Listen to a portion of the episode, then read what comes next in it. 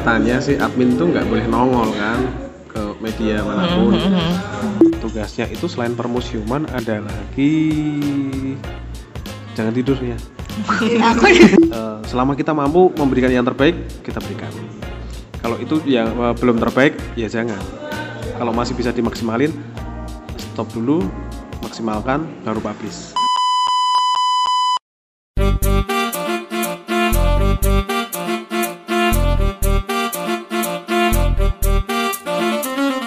Popula Podcast. Podcastnya Popula. Halo sahabat Popula, kita balik lagi di episode yang ketiga. Ketiga. Yes. Apa kabar kamu? Baik-baik aja, Biasa aja. biasa Normal. aja. Tapi hari Masih ini di kita- rumah sih. Masih iya, mending di rumah sih daripada eh, menantang bahaya, eh, Iya. menantang bahaya. Oh ya, em, episode ketiga ini kita merasa lebih bahagia dan spesial ya. Iya, iya, iya. Kenapa? Karena kita nggak berdua gitu. Iya. Ada sesuatu yang menyegarkan obrolan Oh kita. gitu. Bukan seseorang ya, tapi sesuatu. Sesuatu. Gak bisa disebut orang kan? kita sama dulu kali ya. Kita sama dulu kali ya. Coba tes tes ya. Ada nggak ya orangnya? Halo, selamat sore, selamat pagi, selamat siang, selamat malam. Halo, selamat tengah malam. Karena kan yang dengerin nggak tahu ya selamat apa ini, jadi aku nyapanya panjang gitu. Tapi ini kita harus terima kasih banyak loh. Iya. Masnya benar-benar totalitas loh. Iya, Benar. totalitas untuk menantang bahaya tadi, seperti yang dikatakan Nia kan. Ini selamat datang Mas Febrika Adi. Weh, Eh, tepuk tangan. Siapa sih beliau ini apa ya? Seseorang yang hits di Jogja sih, terutama di kalangan Perhumasan. eh, perhumasan, perhumasan plat pink gitu. Awas tumpah ya Iya, iya, minumnya pink. bapak ya. Plat pink gitu-gitu. Besok aku antar ke dokter Yap lah. Ya nggak buta-buta banget ya. Di sana ada museum. gitu jadi biar agak seger gitu lah kita coba bahas yang plat pink itu tadi Oke. nah eh, Mas Febika ini dia itu eh, admin salah ini namanya disebut nggak kan udah disebut full dari awal kan? museum kan aku coba nyebut oh museum iya. Sebut nggak ya? Sebut nggak apa-apa lah. Udah terlanjur Iya. dari kemarin disebut orang-orang. Iya. nah kalau kalau Disti kan baru apa Iya, iya, baru kenal, baru ini ketemu. ya. kenapa aku membawa sosok ini Iya, ke, iya. ke Popula karena Penampakan sosok. Tadi sesuatu, sekarang sosok. gara-gara kamu yang bawa bawa kata sesuatu itu tadi kan aku jadi jadi kepikiran dia tuh bukan manusia gitu Iya iya. karena eh, hampir sama kayak gitu loh kamu eh, produktif si Hmm. mas ini juga produktif tapi dengan cara dia eh, mengangkat sosial media sebagai citra sebuah museum yang kalau biasanya kan museum kan ter- terkenal agak konservatif ya buat anak-anak muda terutama isinya sejarah Ah, yang ah, ah, ah ah. tua gitu Bosenin lah ya. Ngebosenin tapi sekarang tuh bisa dikemas dengan dengan cara yang lebih milenial lebih menyenangkan buat ditonton juga ya lewat salah satunya lewat sosial media itu tadi bisa lewat Instagram Facebook Twitter gitu makanya kita coba belajar dari Mas V ini sih kira-kira Bagaimana me- mengubah sesuatu yang tadinya orang mikir, oh museum yang tadinya monoton bisa lebih segar ya nggak? bener bener seger nggak nggak sih kalau lihat orangnya nggak Nggak, bercanda bercanda bercanda Iya lima menit lagi saya pulang. Kalau saya jadi masnya, saya juga pulang. Udah dari tadi pulang. ya gimana kesan pertamamu ketemu sama dia pertama kali kan ini Hmm, sangat menyenangkan sih. Karena narasumber. coba kalau dia udah pulang gibah gitu Oke, mungkin kita langsung aja lah ya. Mhm. Kenalan dulu. iya tadi kan udah aku kenalin ya Mas Febri Adi tadi. Ba- eh, kalau apa yang yang harus orang lain tahu tentangmu apa Mas Aduh Sebenarnya harusnya orang itu nggak nggak tahu malah. Hmm, nggak harusnya juga sih Iya. ya Jadi nggak kelihatan. Jadi saya dari kemarin dari dulu itu berusaha nggak muncul di layar. kebetulan aja kemarin itu memang ada satu event aku gantiin orang aja sih ceritanya Hmm.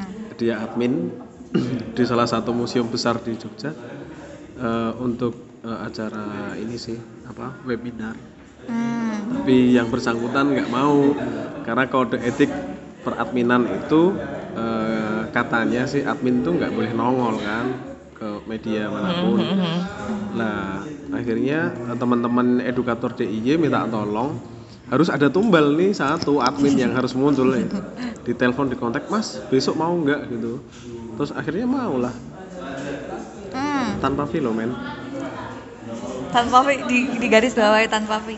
Kamu setuju nggak? Emang admin harus ini ya kode Apa? etiknya emang nggak nggak boleh muncul gitu ya? Tidak menunjukkan kalau eh, dia seorang admin gitu.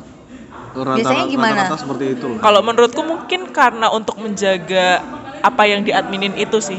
Jadi kayak nggak ada penilaian atas siapa yang membuat ini karya ini dari orangnya itu. Jadi pure dari objek yang dia adminin itu. Kalau menurutku aku hampir setuju sih. Eh, biar nggak kelihatan subjektif juga gitu ya. agar tidak kelihatan keberpihakannya seperti itu Mm-mm. Benar-benar. Tapi menurutku juga nggak masalah sih. Makin ke sini Hmm? eh ya dia adminnya oh ya udah terus kenapa gitu orang dia yang yang bikin karya-karya di situ juga dan citra perusahaan juga semakin perusahaan Eh, museum ya kalau konteks Iya, ini iya, ya iya, museum. citra citra museum juga semakin ngangkat ya ya kita perlu apresiasi orang itu juga Iya. walaupun tapi sebenarnya kamu tidak menyombongkan dirimu tuh loh mas. Tapi orang lain menjadi tahu gitu. Ya itu poin plusnya. Saya terharu ini.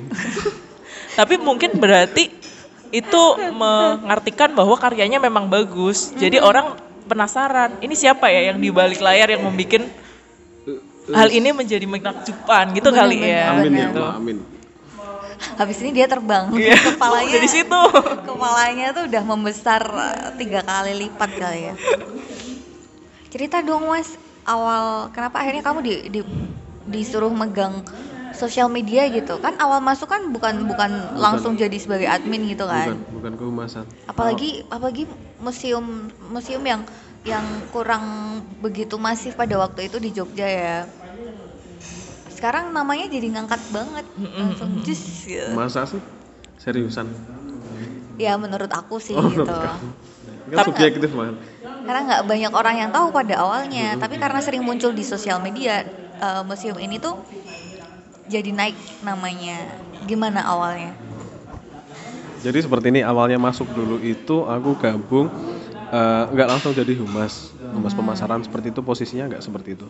Dulu sih kita eh, siap-siap guling dulu tidur habis ini. pas re- pas rekrutmen itu eh, masuknya desain media pembelajaran.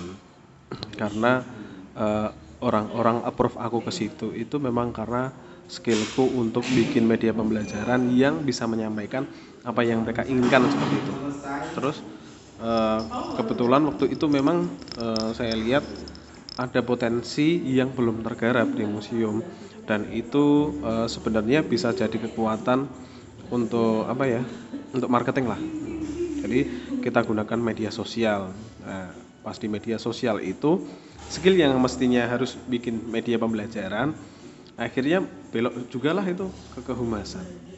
Terus bikin konten-konten berupa infografis tentang sejarah eh, persandian. Ini aku buka aja ya nama nama museumnya Mas. Eh, kita eh, bergerak di permusiuman itu hmm, museumnya nggak nggak nggak punya apa ya nggak punya tema yang umum gitu nggak. Ini museum peminatan khusus.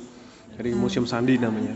Isinya adalah eh, sejarah kriptografi atau penyembunyian pesan di era perjuangan kemerdekaan. Ceritanya seperti itu. Di kurikulum eh, nia sekolah paling juga nggak ada kan dulu nggak ada di buku pelajaran. Oh, sandi gitu. ya tentang persandian ada disebut Pak Rubiono Kertopati di sebagai bapak pramuka mungkin ada ya. Saya di Sandi anak- Morse ya. iya sandi morse. Kalau sejarah nggak ada paling Iya kalau sejarah nggak. sejarah Iya. nggak ada. Jarang banget. Ya, kamu anak mantan anak jambore nasional. mantan. Oh punya mantan anak mantan mantan. Nggak ada nggak ada. Nah akhirnya eh, gimana caranya kita ngedukasi orang lewat medsos? Hmm. nah kebetulan eh, kalau kita lihat mangsa pasar sekarang eh, anak-anak muda kan paling banyak pakai Instagram Benar. Bener paling banget. gampang tuh follow follow follow share nah seperti itu kalau angkatan-angkatan eh, yang agak berusia itu kan ada pakai Facebook Mm-mm, jadi bener. bangsa pasarnya kelihatan sekali anak-anak yang lebih aktif lagi biasanya pakai Twitter nah jujur aja kalau yang Twitter ini baru tergarap eh, di awal tahun ini baru karena sebelum pandemi itu baru eh, aku mempelajari Twitter seperti apa. Kalau yang Instagram itu awal 2019 lah itu udah digarap penuh. Gimana untuk bikin profil yang baik karena tugas kehumasan sebenarnya memanfaatkan media-media yang non komersil bagaimana kita menyampaikan pesan positif kita tentang hmm, lembaga yang kita humasi lah istilahnya seperti itu jadi bagaimana supaya eh, lembaga yang kita humasi tersebut tidak terlalu banyak mengeluarkan biaya untuk eh, melakukan memperluas eh, nih cakupan pemasaran seperti itu jadi Memperluas ketika market ya. Ya betul. Jadi dengan skill yang kita miliki, eh, masyarakat awam lebih eh, teredukasi. Nah terus ketambahan lagi karena Museum Sandi itu ada di bawah naungan Badan Siber dan Sandi Negara, kita ketambahan tugas lah kemarin.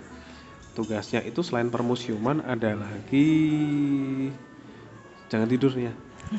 aku dengerin. ya aku dengerin loh Oh iya, daripada aku berisik ganggu penjelasanmu kan. Aku pikir kamu ngantuk ya.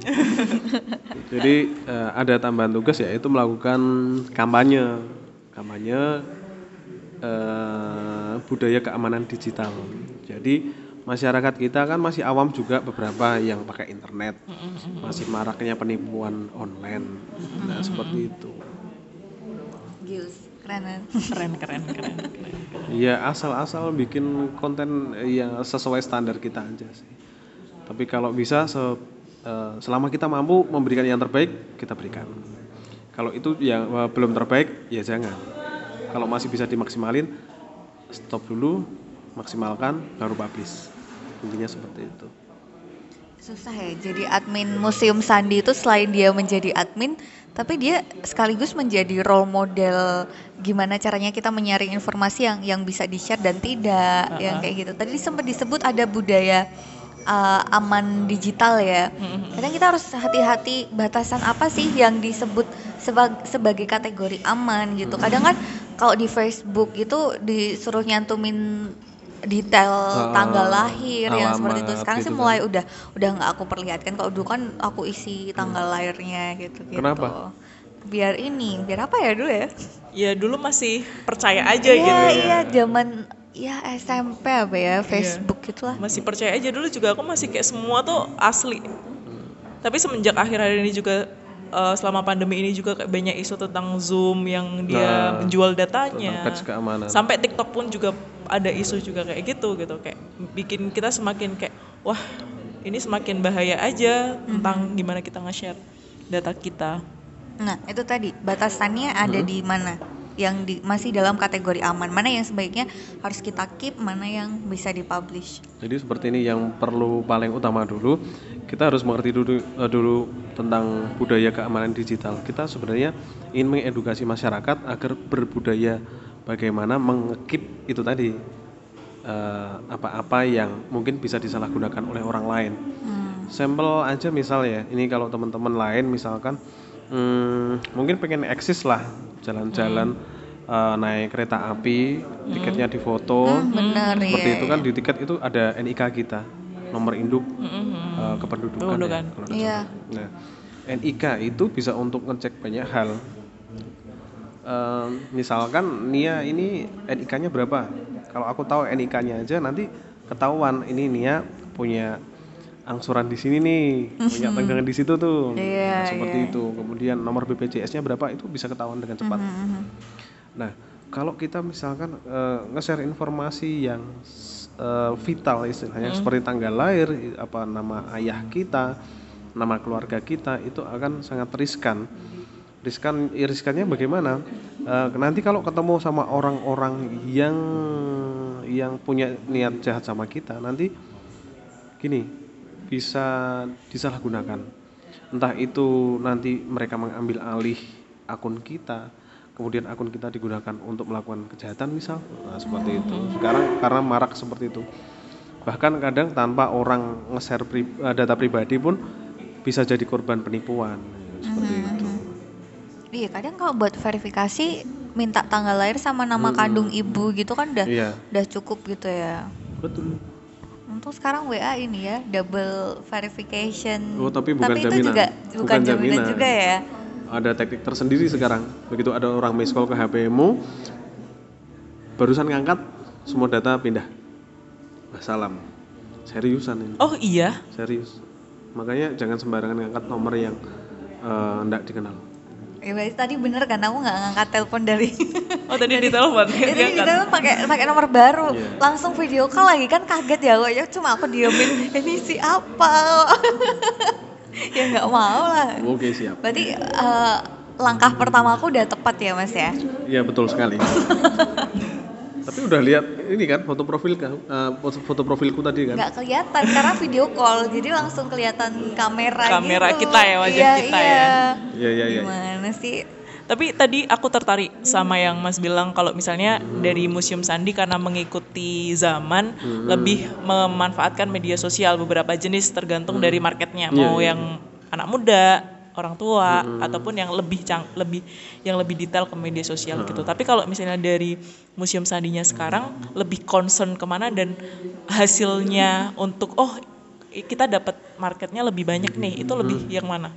Eh, kalau sementara ini karena kita masih terdampak pandemik ya Hmm. Jadi karena eh, pasca pasca corona belum dibilang eh, belum bisa dibilang pasca sih sebenarnya. Karena kita di Jogja juga masih pembatasan wilayah. Jadi di museum juga masih tutup. Sekarang kan masih tutup. Kemarin sempat buka lagi. Satu hari, dua hari habis itu kita ditelepon sama kantor pusat Mm-mm. eh, ngikuti inilah Marso Dalam untuk eh, buka di Agustus nanti. Nah, eh, pada masa-masa ini juga kita tetap masuk Hmm. tiap hari nah, konsentrasi kita Makasih ya Mas. Konsentrasi kita jadi nggak ke pelayanan secara fisik orang datang tapi kita nyoba eh, cari cara pelayanan lain yaitu pelayanan secara daring. Entah itu hmm, berupa kita ngasih materi tentang apa bagaimana tips mencegah penyebaran corona kemudian dampak-dampak virus tersebut ke tubuh kita kemudian mungkin sifat corona di beberapa material seperti kayu logam dan lain-lain Mhm. tapi tetap itu kita lakukan juga eh, berdasarkan kajian-kajian yang memang kita ada dasarnya seperti itu dari sumber yang terpercaya. Kemudian eh, sejarah-sejarah persandian itu tetap kita sajikan itu pasti. Ada lagi kalau eh, kalau yang memang kita sudah jalan itu kita mengaktifkan channel YouTube. Jadi setiap karyawan yang sudah WFO sekarang itu eh, mereka satu-satu orang dikasih kesempatan untuk hmm, bikin apa ya talk show, talk show sendiri dengan tema-tema tertentu sesuai dengan jabatan mereka. Misalkan kalau kebetulan saya misalkan kehumasan ya mengurusi eh, medsos ya konten saya tentang permedsosan seperti itu. Kemudian kalau nanti kurator eh, ya tentang koleksi. Jadi triknya ke sana. Kemudian karena hmm, secara spesifik eh, kita tidak cuma ada di bawah BSSN tapi ada di bawah Deputi 2 eh, istilah kerennya protedik, proteksi ekonomi digital. Hmm. Jadi eh, tugas kita mengedukasi masyarakat luas itu memang harus lebih kencang karena kita di bawah yang protedik. Nah kemarin kan eh, pas kita sering WFH Hmm. itu kan banyak tuh info-info data-data dijual kayak gitu kecolongan Iya dari ya banyak banget. eh, startup eh, apa online jual beli online yang Iya, besar kan iya, di Indonesia iya. bahkan dua dua website terbesar pun akhirnya kecolongan data seperti itu nah itu juga saya disayangkan seperti kemarin karena memang data-data yang dicuri itu vital dan sekarang ke- kabarnya yang terakhir kemarin sempat ada satu forum yang orang yang beli data itu nge-share juga ke Facebook secara gratis padahal dia beli di dark web itu sekitar 70 sekian juta gitu Tapi itu datanya di share aja di Facebook di-share, gitu. di-share. di share Wow. bener-bener eh, datanya teman-teman masukin ke eh, website itu tuh ya yang kemarin bobol itu kan banyak mesti KTP juga masuk kan. Iya betul. kemudian tanggal lahir nama kemudian alamat. Itu kalau misalkan disalahgunakan habislah kita. Iya tiba-tiba nanti uh, ditelepon halo mbak anu, tagihannya seperti ini ini ini nah kita nggak pernah minjem misalkan tiba-tiba dapat tagihan kan. Malulah kita. Seperti itu. Ngerti ya. ya ini udah berbelok masalah lain loh bukan kehumasan loh Kita melenceng ke mana-mana. Tapi kan ya ada benang merah ke situ juga Iya, iya. gitu. itu penugasan tambahan sih buat kita Iya mereka tuh di di museum Sandi ini aku sering sering apa ber- beberapa kali sih melihat mereka tuh bikin talk show tapi yang ngisi ya orang-orang di di dalam museum Sandi itu sendiri jadi sesuai sama bidang yang yang diceritain sama Mas Fe tadi untuk untuk apa ya menggerakkan teman-teman kadang kan ada yang Hmm, job deskku tuh nggak kayak gitu gitu cuma Iya. ya udah aku kerja ini ngapain sih aku repot-repot bikin talk show gitu kalau bukan tangan kreatif Mas Fe kan Iya, susah ya iya, iya, buat benar-benar. mempengaruhi orang untuk melakukan itu gitu. apa nggak usah GR karena kamu narasumber di sini jadi Enggak. aku hari ini baik sama kamu. Karena kalau itu kita nggak ada episode 3 ya. dijawab dijawab Pak, dijawab. Eh, jadi teman-teman sebenarnya ya eh, ini nanti teman-temanku denger nggak ya? Nanti aku share. Tapi seriusan ke- ketika WFH kemarin itu aku juga ngerasa yang lain pada di rumah santai mungkin ya. Aku selama satu bulan mungkin konten terus.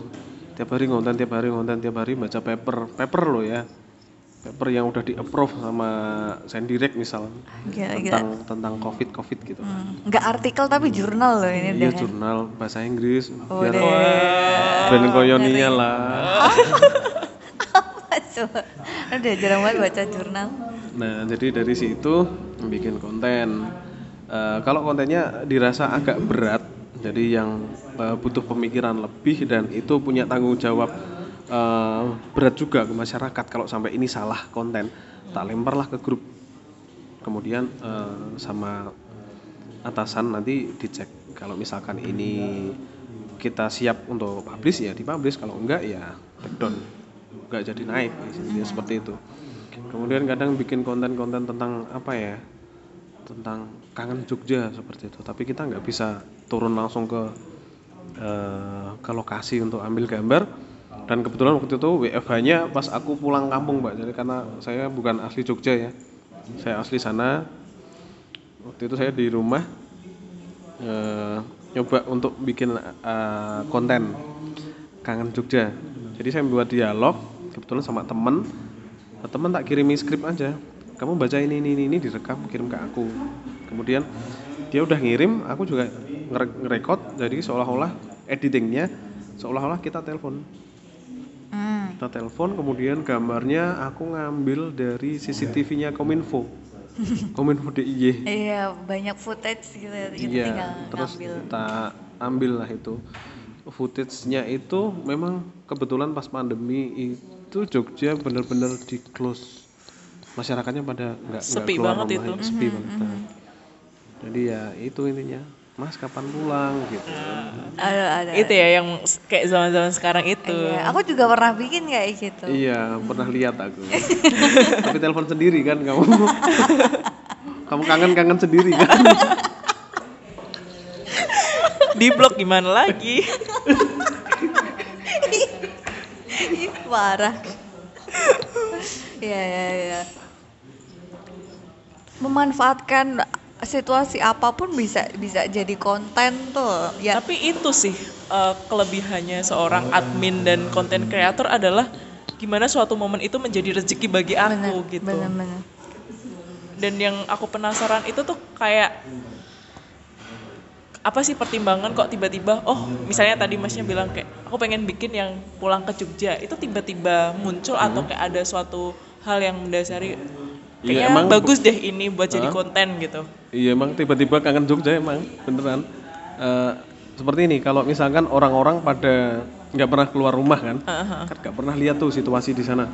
Padahal eh, Kominfo sendiri punya layanan untuk lihat ini kan, untuk lihat situasi uh, wisata, situ- situasi kayak tugu, jalan-jalan protokol itu kelihatan semua.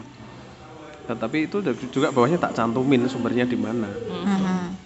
Eh, kalau kalau kadang memanfaatkan momen sih iya ini iya karena memang nggak kita pungkiri juga ketika kita mau evaluasi konten kan kita bisa lihat itu ada fasilitas insight kan di Instagram Benar-benar. kelihatan mana yang paling banyak nge-like eh, ya mana yang paling banyak dapat like mana yang paling banyak dilihat orang itu kan akhirnya kita bisa menyimpulkan mana konten yang favorit sama yang enggak Benar. Nah, ada juga kadang eh, konten ini jujur aja ya saya Iya, ngobrol. iya.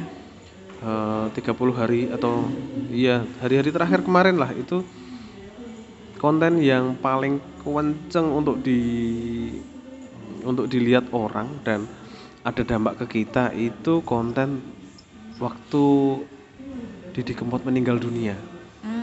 Itu reach-nya sampai 10.000 sekian Hmm. 10.000 sekian dan itu ada yang follow, ada yang repost dan ada yang macam-macam lah.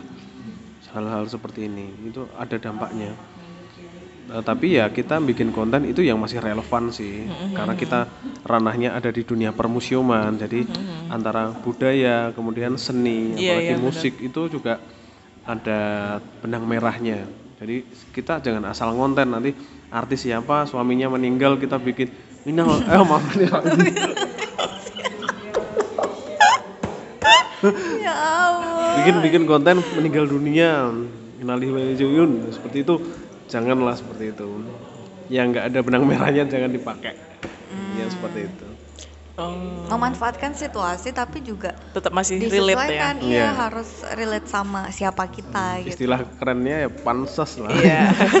pansos bu, tapi lihat-lihat juga kadang kan pansos jadi konotasinya negatif ya. Iya, iya. Apa-apa dikit jadi konten. Tapi kan Hmm. kalau kita enggak ya, kita I- iya, iya. Kita ya memang harus relate sama siapa kita. Walaupun aku aku eh, misalkan mengelola akunku pribadi ya, bukan Hmm. bukan akun Hmm. eh, perusahaan gitu.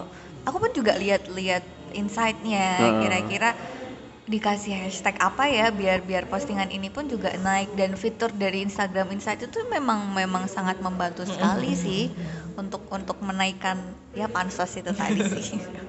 Cuma ya nggak apa-apa. Pengalamanmu gimana? Sempet ini nggak apa? mengelola akun apa eh, angkatan mungkin atau di kampus gitu terus memperhatikan fitur-fitur insight kita belajar bareng aja walaupun narasumbernya satu tapi kita kita sharing iya aja. saya di juga banyak belajar ini sama kalian. Aku tuh sering beberapa kali kayak kalau di kampus kan sering ada event gitu kan. Nah, kayak misalnya kasih contoh aja event seminar, misalnya yang kayak kita datangin narasumber terus eh, kita harus dapat tuh pesertanya berapa gitu. Yang aku dapat dan aku pelajari itu kayak sebuah misalnya kita ada sebuah hal yang kita pengen marketingin atau pengen kita jual kayak seminar tadi tuh kayaknya itu tuh orang itu lebih tertarik kalau nggak melulu mengenai eh ayo dong beli. Tapi apa sih yang bakal kalian dapat di sana? Manfaatnya apa sih? Terus kayak kenapa sih kita bikin acara ini?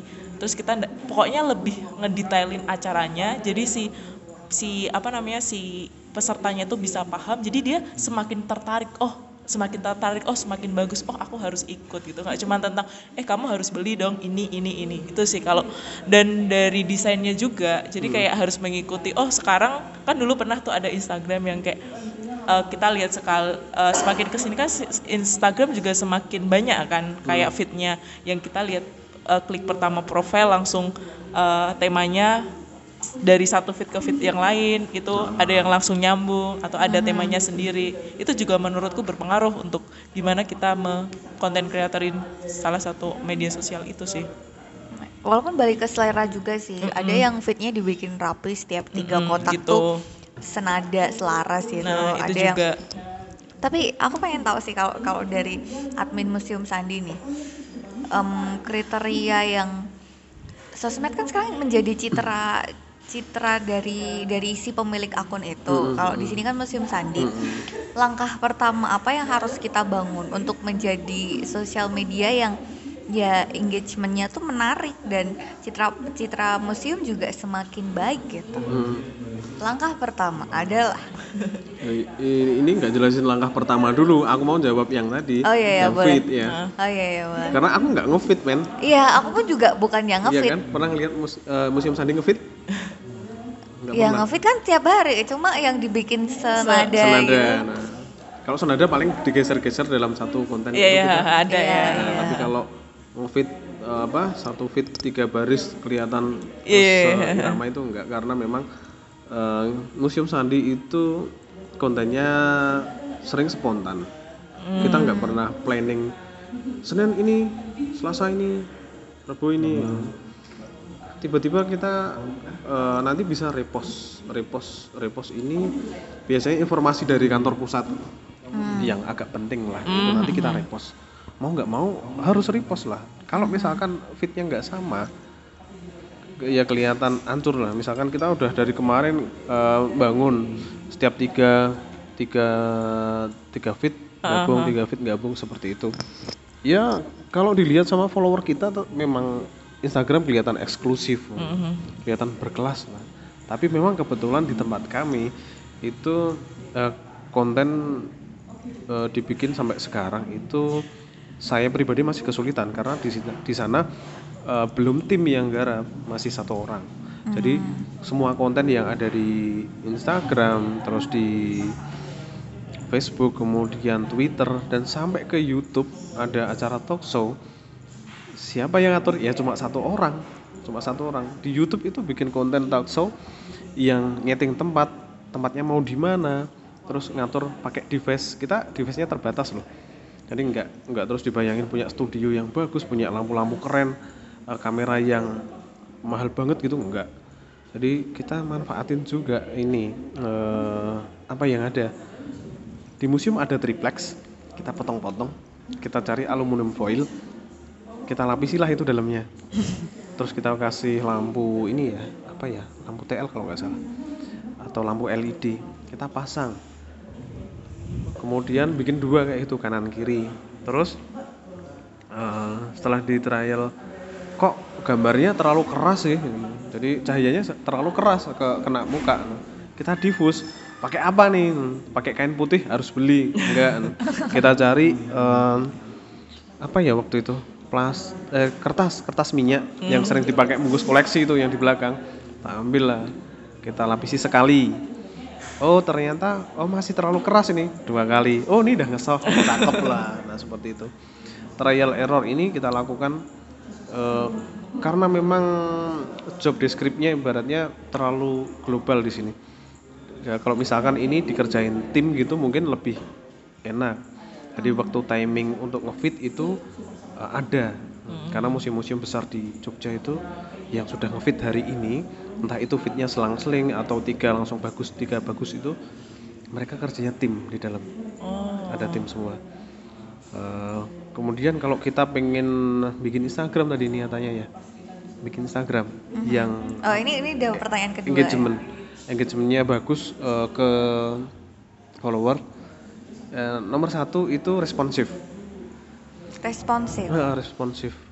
Mau mau berantakan tapi kalau kamu responsif orang tetap care kok. Jadi kalau misalkan kamu di komen "Eh, museum sandi di mana sih? gitu. Terus kamu jawabnya tiga hari kemudian empat hari kemudian orang males lah pasti. Iya iya betul benar. betul terus betul. bikin konten eh, internet yang aman adalah bla bla bla bla bla bla gitu. Terus ada pertanyaan emang kalau pakai ini ini ini nggak aman? gitu terus kamu jawabnya satu bulan kemudian Iya iya iya benar-benar. salam lah pada lari tuh followers pasti Benar-benar. jadi eh, selama ini jadi saya sering menerapkan kalau ada orang DM jam berapapun kebetulan kalau pas saya pegang HP tak balas kalau nggak sibuk itu aja Walaupun nggak jam kerja. Iya, iya. Jadi memang terkenal mungkin eh, teman-teman yang pernah DM admin Museum Sandi itu tengah malam pun kadang dibales. Nah kalau kamu nggak ada teman chatting tengah malam DM. DM Sandi. Iya, iya. Itu pernah itu malam Minggu eh, aku ya pas iseng aja sih. Ada yang mau nanya sama admin gitu, ternyata DM yang masuk di atas lima lah. Di atas lima cowok cewek dibales semua. Ya ada yang nanya koleksi, ada yang nanya tugas kuliah, ada yang nanya macam-macam. Nah itu pertama responsif. Kemudian dua kita memberikan eh, konten yang sekiranya memang orang-orang itu nggak banyak ngerti. Contohnya misal kebetulan kalau memang ranah permusiuman ya kita mengedukasi. Kita ada koleksi koleksi yang kita miliki itu kita pengen edukasikan ke masyarakat. Nah kemampuan multimedia kita kepake lah di situ. Bagaimana cara mengambil gambar yang baik hmm, karena belajar fotografi itu juga nggak nggak instan.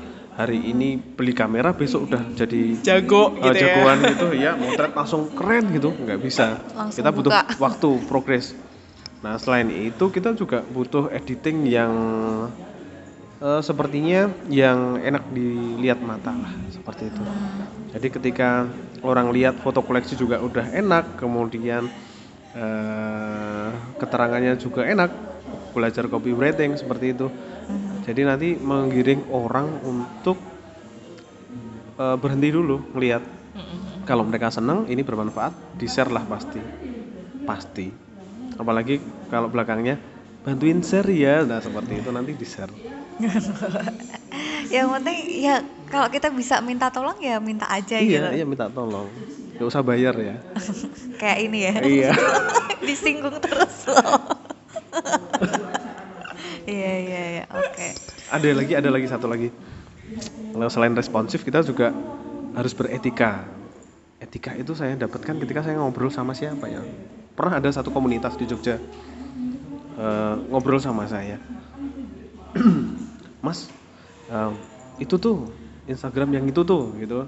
Udah kita follow tapi kok nggak di follow back gitu. Eh, gimana sih? Oh adminnya gitu oh kayak gitu dipermasalahkan ternyata ya gitu. Oh ternyata memang eh, untuk kehumasan ketika kita di follow oleh instansi seperti itu atau komunitas ya seenggaknya di follow back lah. Itu adalah penghargaan eh, paling sederhana. Oke. bahasa bahasa gampangnya ya partner kita atau yang kayak kalau museum ya sama yang museum lain gitu iya, ya betul mas? betul sekali. Hmm, satu rumpun satu kalau plat eh, ya kalau kita fallback tapi eh maaf bukan fallback ya. Kalau kita follow dia nggak fallback eh, berarti bertepuk sebelah tangan. Asik. Asik lah. Eh balik ke poin pertama kan responsif ya. Kalau Hmm. responsif kan berarti memang si akun ini udah punya follower. Kalau misalkan akun baru gitu kayak akunnya popula gitu kan followernya juga sangat sedikit nah membuat orang lain biar menengok si popula ini dulu lah Mm-mm. di di Instagramnya. Itu gimana? Kalau responsif kan memang karena udah ada orang. Nah Ini- ini, ini tuh belum ada nih orang. ya. Itu mungkin agak nyanggung ke gimana sih cara masnya masnya tuh buat dulu yang museum misalnya kayak oh museum nggak terlalu dilihat nih. Mm-mm. tapi karena ada konten ini karena ada media sosial ini jadi kita lebih tertarik lagi buat melihat si museum-museum ini gitu. Karena jujur dulu aku pun sendiri kalau misalnya disuruh milih Hmm. mau main ke mana? Mau main museum atau amplas? Pasti Amplas. amplas dong gitu loh. Oh pas tanggal muda soalnya. Nah, kita nggak dibayar amplas. Amplas ini buat siapa tahu ntar di endorse amplas ya iya iya. Aminin nggak sih nggak mungkin sih terus kalian disuruh oh, ini podcast di tengah amplas di atriumnya Jadi intinya seperti ini kalau kita pakainya Instagram atau Twitter itu hashtag mainnya hashtag seriusan ini hashtag. Kalau kalau di Twitter kan kelihatan itu hashtag yang trending apa. Mhm. Tapi nggak sembarang hashtag itu bisa ditumpangin. Seriusan lah. Kalian main Twitter nggak? main aku Main. main banget Itu hashtag-hashtag yang sering nongol kira-kira relevan sama akhir-akhir ini sih Nggak. bug banget ya ya Relevan nggak? Relevan. nggak Enggak, nggak enggak, enggak, Nggak, nggak relate ya? parah sih parah. Parah. Twitter hari ini parah Iya. sering nggak sih Iya, udah. dulu dulu aku seneng banget karena di Twitter tuh cepet Iya. informasi berita tuh sampai sekarang pun sosial media favoritku Hmm. adalah Twitter Iya, kalau kita pengen lihat sesuatu yang paling hangat, yang tren ya Twitter. iya itu cuma untuk ini ya apa? Untuk acuan aja sih yang yang yang tren sekarang apa itu kelihatan kalau di Twitter. Tapi nggak semua hashtag itu bisa kita tumpangi. Nah kalau yang yang ini yang Instagram Hmm? Instagram itu kita sekali pakai hashtag keyword ya misalkan. Itu nanti sebenarnya ada suges sendiri kok. Misalkan eh, yang sering kalian pakai hashtagnya apa belum pakai Tergantung postingannya sih. Lokasi tapi biasanya. belum pakai banyak banget sih cuman hashtag post podcast yang ya? yang pasti dipakai apa selain popula podcast. Heeh. Podcast. podcast. Podcast. nah Hashtagnya kalian podcast. iseng aja coba itu tulis hashtag podcast itu nanti langsung muncul kan hasil-hasilnya tapi Hmm. di bawah antara hasil pencarian sama eh, apa kayak foto profil lah ibaratnya. Satu profil kan atas itu nanti pasti ada. Di bawahnya itu pasti ada kayak podcast apa podcast online lah atau dialog atau apa. Seperti itu nanti yang relate sama dia yang trending juga pasti disuges untuk kita pakai. Nah itu dicatat aja nanti dipakai. Oh, oke oke. kalau misalkan pengen berbayar ya pakai website-website tertentu. Jadi kita bisa tahu eh, nge-crawling ini hashtag yang favorit yang mana itu bisa tapi itu rata-rata bisa dipakai untuk eh, alat analitik berbayar Oke oke.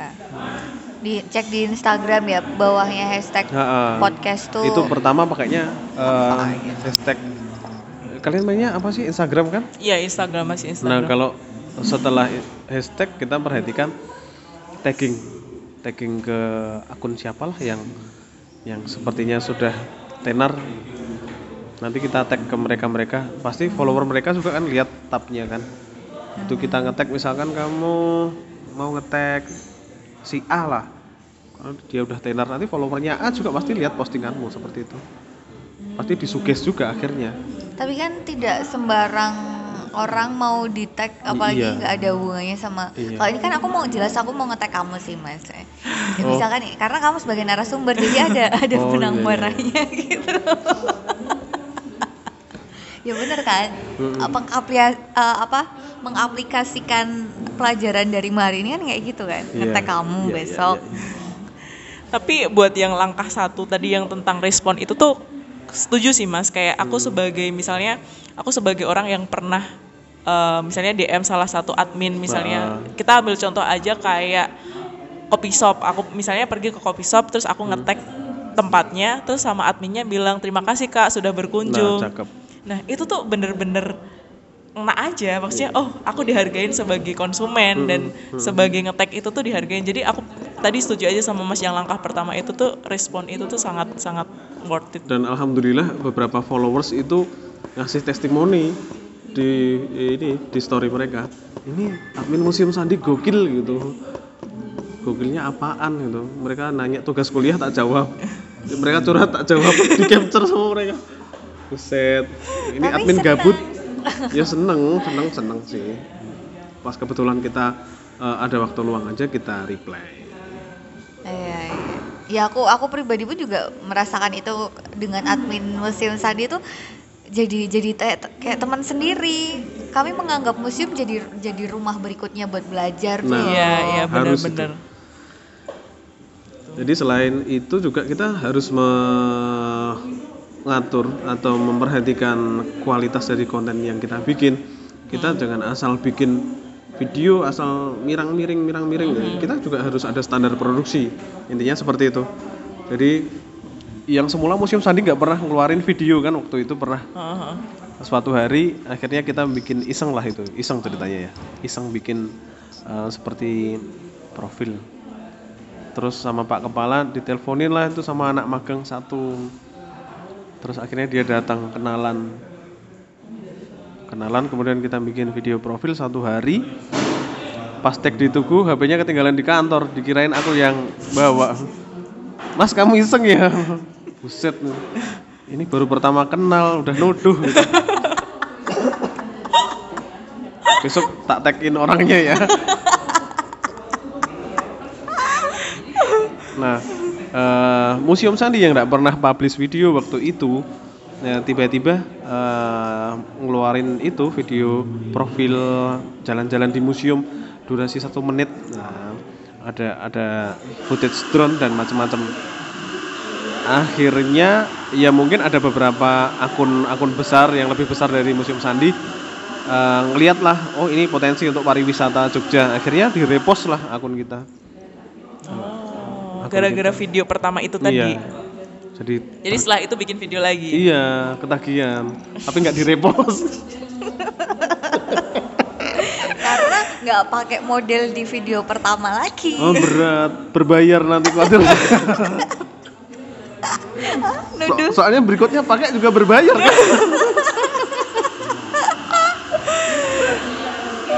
Tapi Mas karena Nah. kan misalnya kan eh, Sebentar ada gilingan batu lewat. Iya ini kita ada yang lagi giling batu ini. di pertambangan. Oh iya, iya. Lanjut, lanjut. Nah, eh, masnya kan apa namanya? eh, ini kan admin di bilang aja salah satu instansi yang resmi Nah, yang ah, iya. itu kan. Nah, ada nggak sih kayak batasan yang harus tetap dijaga atau oh nggak boleh posting ini, nggak boleh posting ini, harus kayak gini. Itu pasti ada kan, Mas? Iya, iya pasti ada lah. Kalau itu secara pribadi kebetulan memang dari atasan itu sudah Oh. mempercayakan penuh ke saya karena saya juga bisa membawakan membawakan diri akun kita itu mau diseperti apakan sih, mau diapakan sih. Jadi kita nggak mungkin juga follow-follow artis-artis yang hot itu ya, gitu, seperti itu Yang gimana? yang hot. Janganlah jangan nanti sekali kita nge-lag nanti dibilangin ini adminnya eh, apa ya rusuh gitu kan jangan sampai Eh, kemudian ranah-ranah politik itu jangan kita sentuh ranah politik kita jangan kita sentuh meskipun itu media pansos paling kenceng gitu. karena sekarang itu orang itu berlomba-lomba untuk dihujat kan ya makin dihujat itu seneng gitu Viral nih, ye. Iya. Nanti yang itu bikin album, nanti Museum Sandi bikin album juga. Aku bukan boneka gitu. Oh, mengikuti sekali ya. Oh iya, up to date dia. Up to date sekali. Iya, iya, tenang, tenang. Jadi seperti itu. Jadi ada ada memang ranahnya yang bisa kita gunakan untuk berpansos itu tadi. Ada, tapi kalau yang eh, sekiranya bermuatan politik, kemudian sara, kemudian yang eh, berbau-bau apa ya? Berbau-bau sesuatu yang nggak smart lah. Janganlah. Ya, Itu karena akan memperburuk citra kita sendiri. Eh, Iya kan? Jadi berarti bikin konten tuh harus kita harus tahu dulu nih. Ini kita siapa gitu ya, Iya, Mas? betul sekali. Kalau kita nggak tahu diri susah kan ntar. Iya, iya, iya. Ntar follow ke akun ini ini ya kan. Terus orang kebetulan lihat loh, kok Museum Sandi follow akun ini sih? Ini kan judi togel gitu kan. Terus habis itu kita di DM sama orang admin mau nggak kita endorse gitu Iya, iya, iya. mau bener. endorse judi togel nih ya mau enggak lah. ya ya itu berarti kan kamu sudah memposisikan diri Oh iya itu penting sih eh, berbagi pengalaman ya. Hmm. Em, kan ditawarin MC ya pada waktu itu. Tapi aku pun juga melihat itu acara apa, kenapa kenapa aku yang yang dipilih dan Hah? ternyata itu tuh acara apa ya di, Apa? di jualan produk gitu loh. Karena Produk aku apa? produknya itu ban. oh ban Maksud eh, yang yang pengen aku sampaikan adalah nah, ya kita memang harus pilih-pilih banget tuh loh Pilih menjadi ban, kan? menjadi menjadi sangat picky tuh ya itu jelek tapi itu sangat penting iya karena citra kita tuh diukur dari apa yang Iya, kita betul, pilih juga. Betul. siapa yang kita follow itu citra kita. Tapi akhirnya itu nggak diterima aku nggak? ambil nggak aku ambil. Oh. ditawarin segini cuma itu itu ker- eh, aku nge-MC-nya gimana? Ya udah intinya tuh jualan produk ban gitu. Hmm. karena ditawarin segini itu kalau segitu kamu mau? Aku tuh selalu memilih yang ada value-nya. Uh-uh. walaupun mungkin pada waktu itu aku diminta untuk mengisi video gratis tidak berbayar gitu ya. Padahal apa panas-panas dari pagi sampai siang sorenya apa VO gitu ya. Gratis itu cuma cuma aku sadar kalau ini tuh penting. Ini Iya. tuh ada nilainya ada value-nya akhirnya yang bisa ini- dipakai pansos kan itu di eh, di repost kominfo humas jogja. Akhirnya juga yang dapat dia lagi kan ya. iya kembalinya ke dia lagi. Apa yang kita tanam itu yang kita tuai Iya, jadi materi kesenangan sesaat tuh menurutku itu udah lewat. Coba kalau kita mikirnya lebih dalam lagi, ada value-nya nggak? Kalau aku ngakuin itu, kalau aku nge-MC jualan ban, kira-kira value ke depannya gimana? Itu aku pikir banget sih. akhirnya aku nggak nggak- ya ya sebenarnya kalau aku butuh duit ya pasti aku ambil cuma Hmm. Nggak lah aku aku memilih untuk yang lain lah aku nggak nggak dapat job ini nggak apa-apa aku tuh orangnya gitu Nah ini dengerin toko-toko ban, jangan pakai ninya seriusan ini. Voice over juga jangan pakai ninya. Kan manajernya Bang. Nggak apa-apa, nanti nanti kita prank lah, kita jebak lah. Bagaimana seorang Nia mau ngisi voice overnya eh, toko ban? Ya. oh tuh ya ampun gratisan tuh sering cuma balik itu tadi ada nilainya apa enggak nih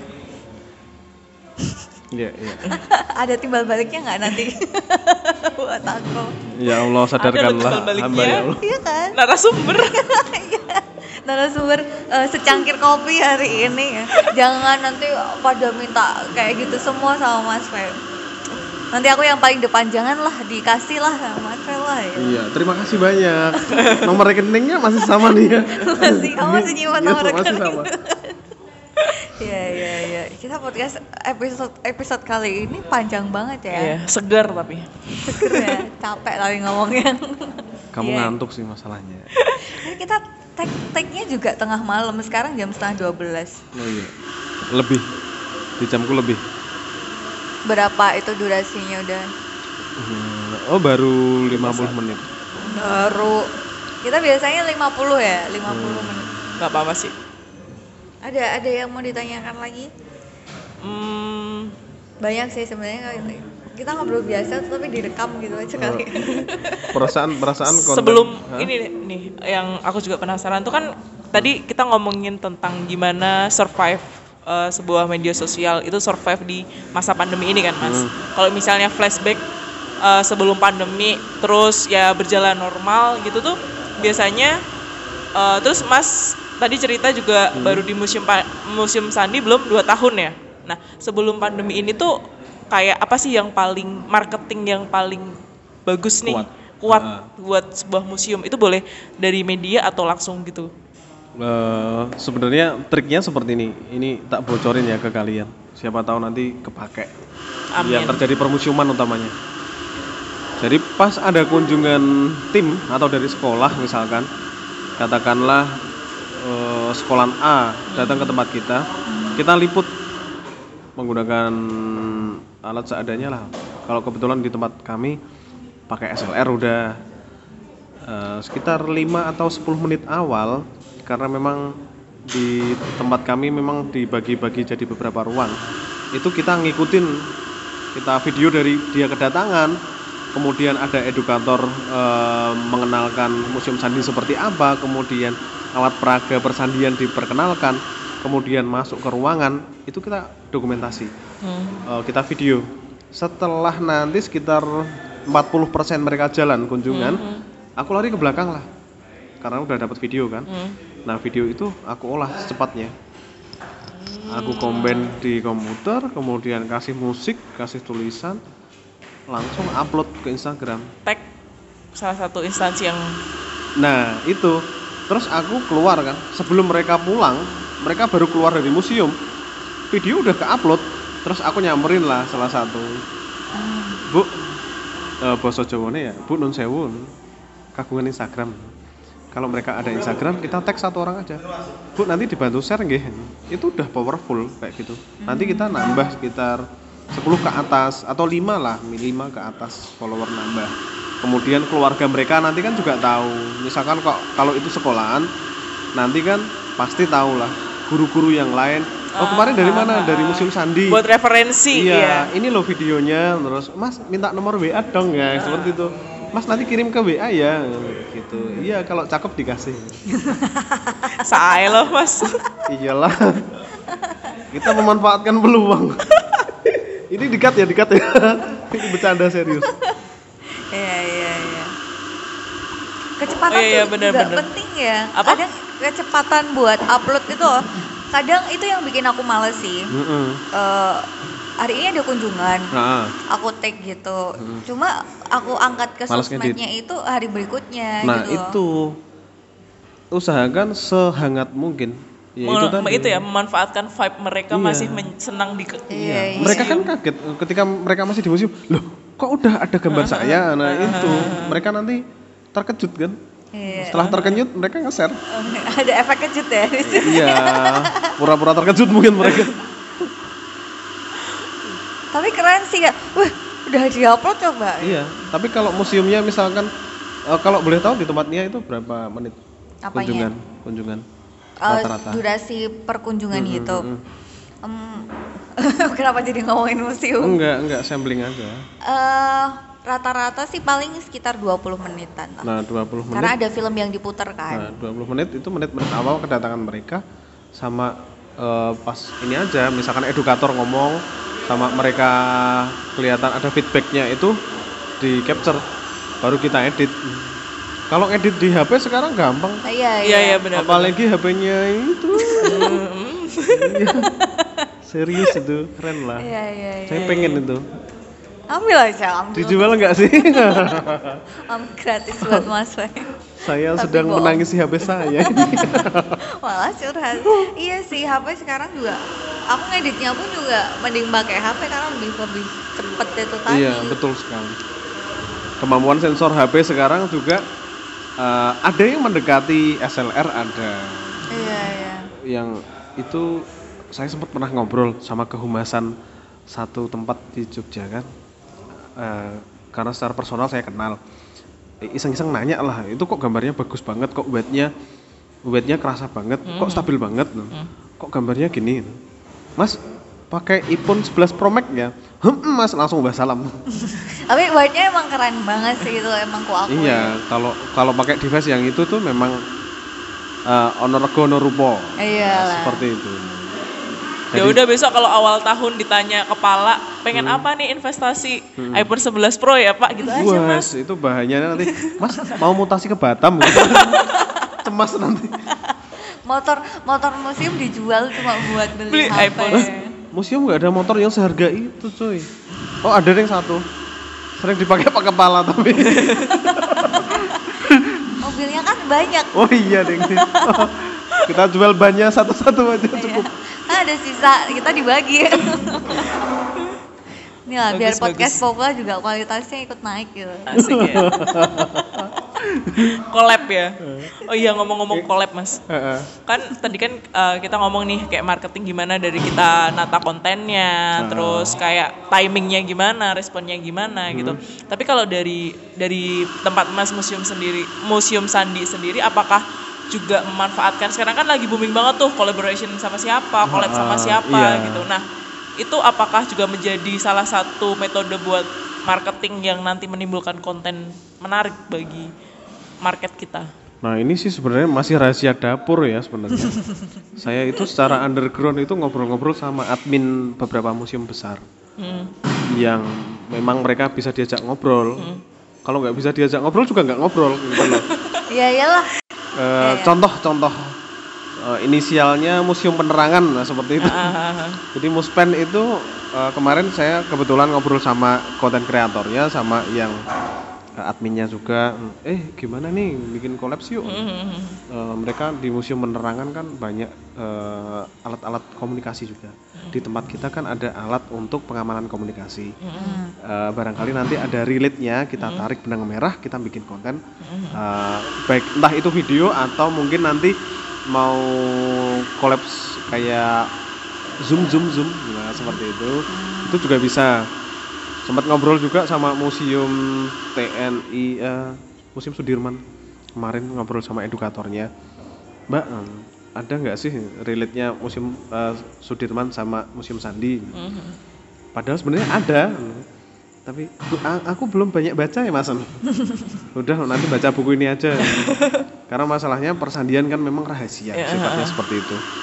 Eh, meskipun dulu itu memang Pak Sudirman punya kurir juga yang mengantarkan pesan rahasia jadi eh, kesempatan kolaps itu kita buka besar pintu sebesar-besarnya, seluas-luasnya. Karena kalau misalkan eh, museum-museum yang ada di Jogja bisa eh, bergabung kemudian membuat inkubator tersendiri untuk mewadahi eh, permedsosan museum nanti ya bisa berprogres bareng mereka.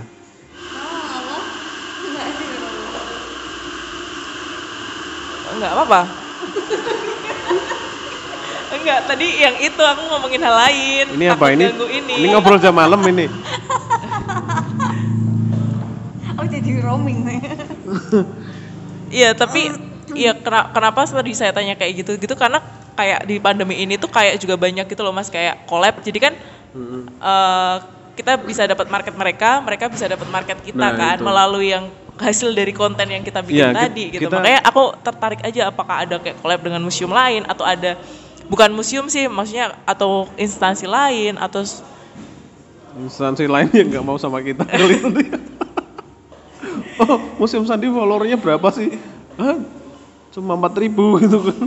Mereka nggak mau. Padahal nanti mungkin ada yang diajak collab misalkan sampai 200k gitu kan. Kita tahu diri lah nanti. belum Mas. Kita ngajak collab itu yang mungkin baru 1k gitu. 2k. Bahkan yang nggak punya Instagram mungkin nanti kita ajak collab. ya nggak apa-apa toh. Nggak Iya, apa-apa. Iya. Kan Kita mau wadai.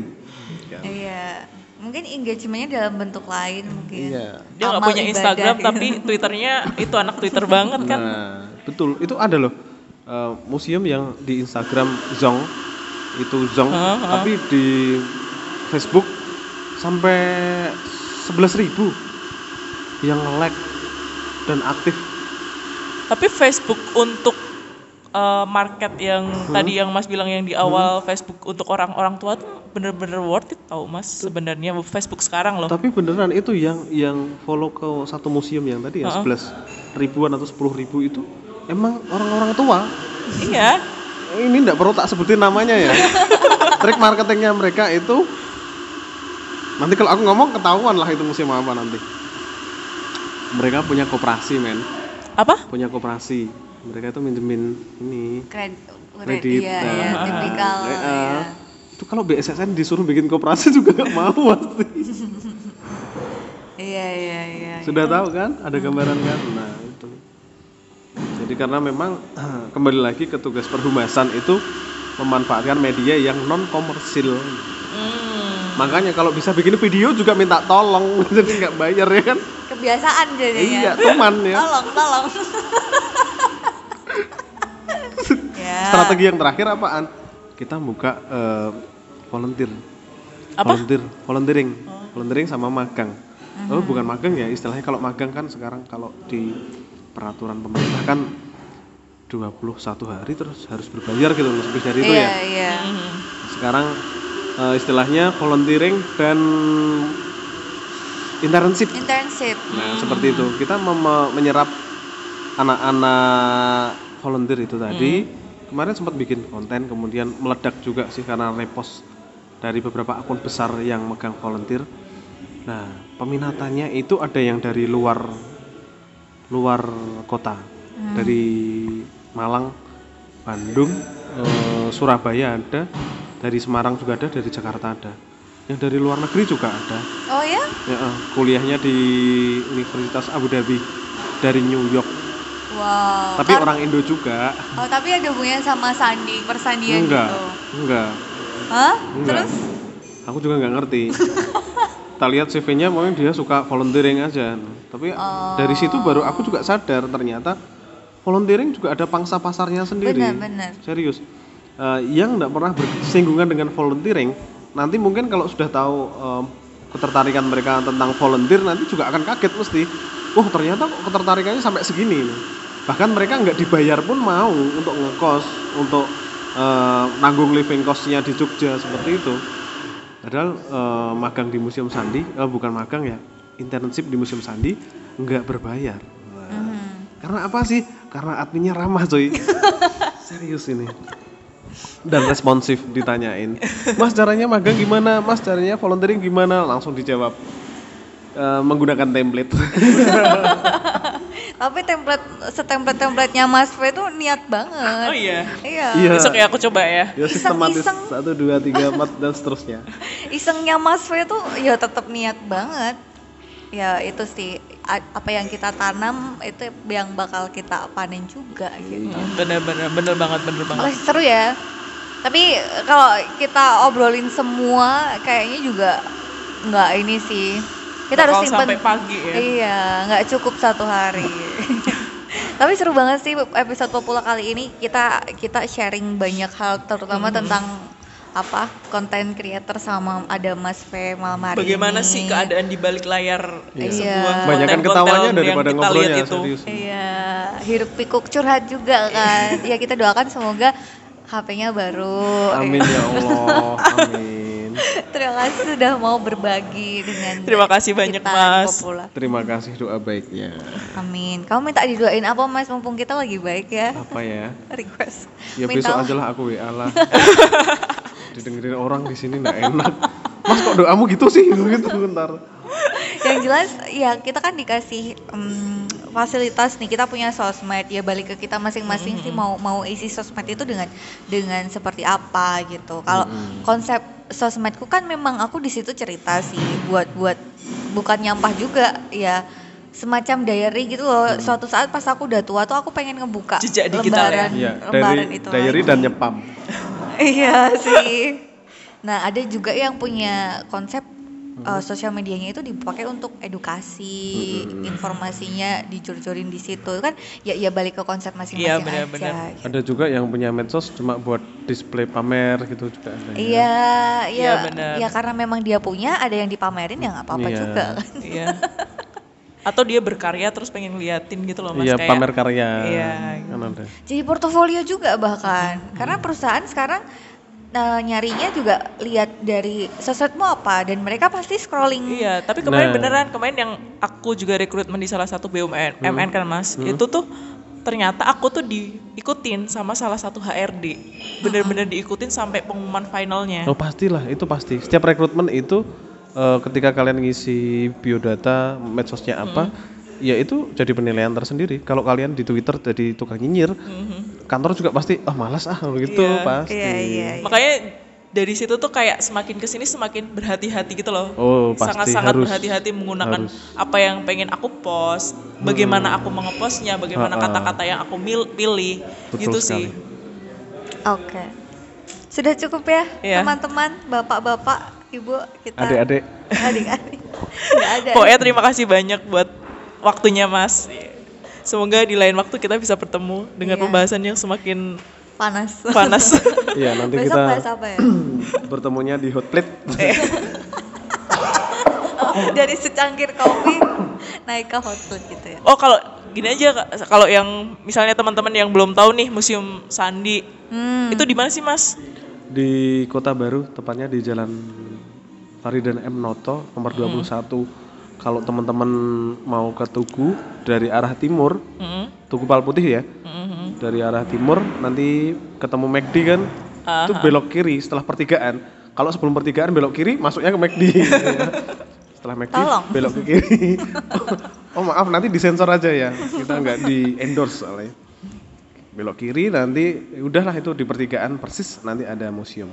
Bukanya Senin Jumat Enggak, setiap hari buka. sampai Minggu. Eh, iya.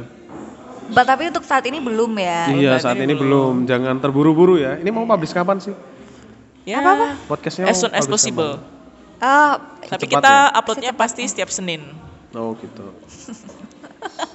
amin. Amin. Kadang kan suka nggak konsisten gitu, molor gitu ya. Baru anak baru Mas. Iya. Atau kalau misalkan em, bingung kapan musim sani buka gitu bisa follow Instagramnya ya. Iya, pasti ada informasi. Apa Mas follow Instagramnya?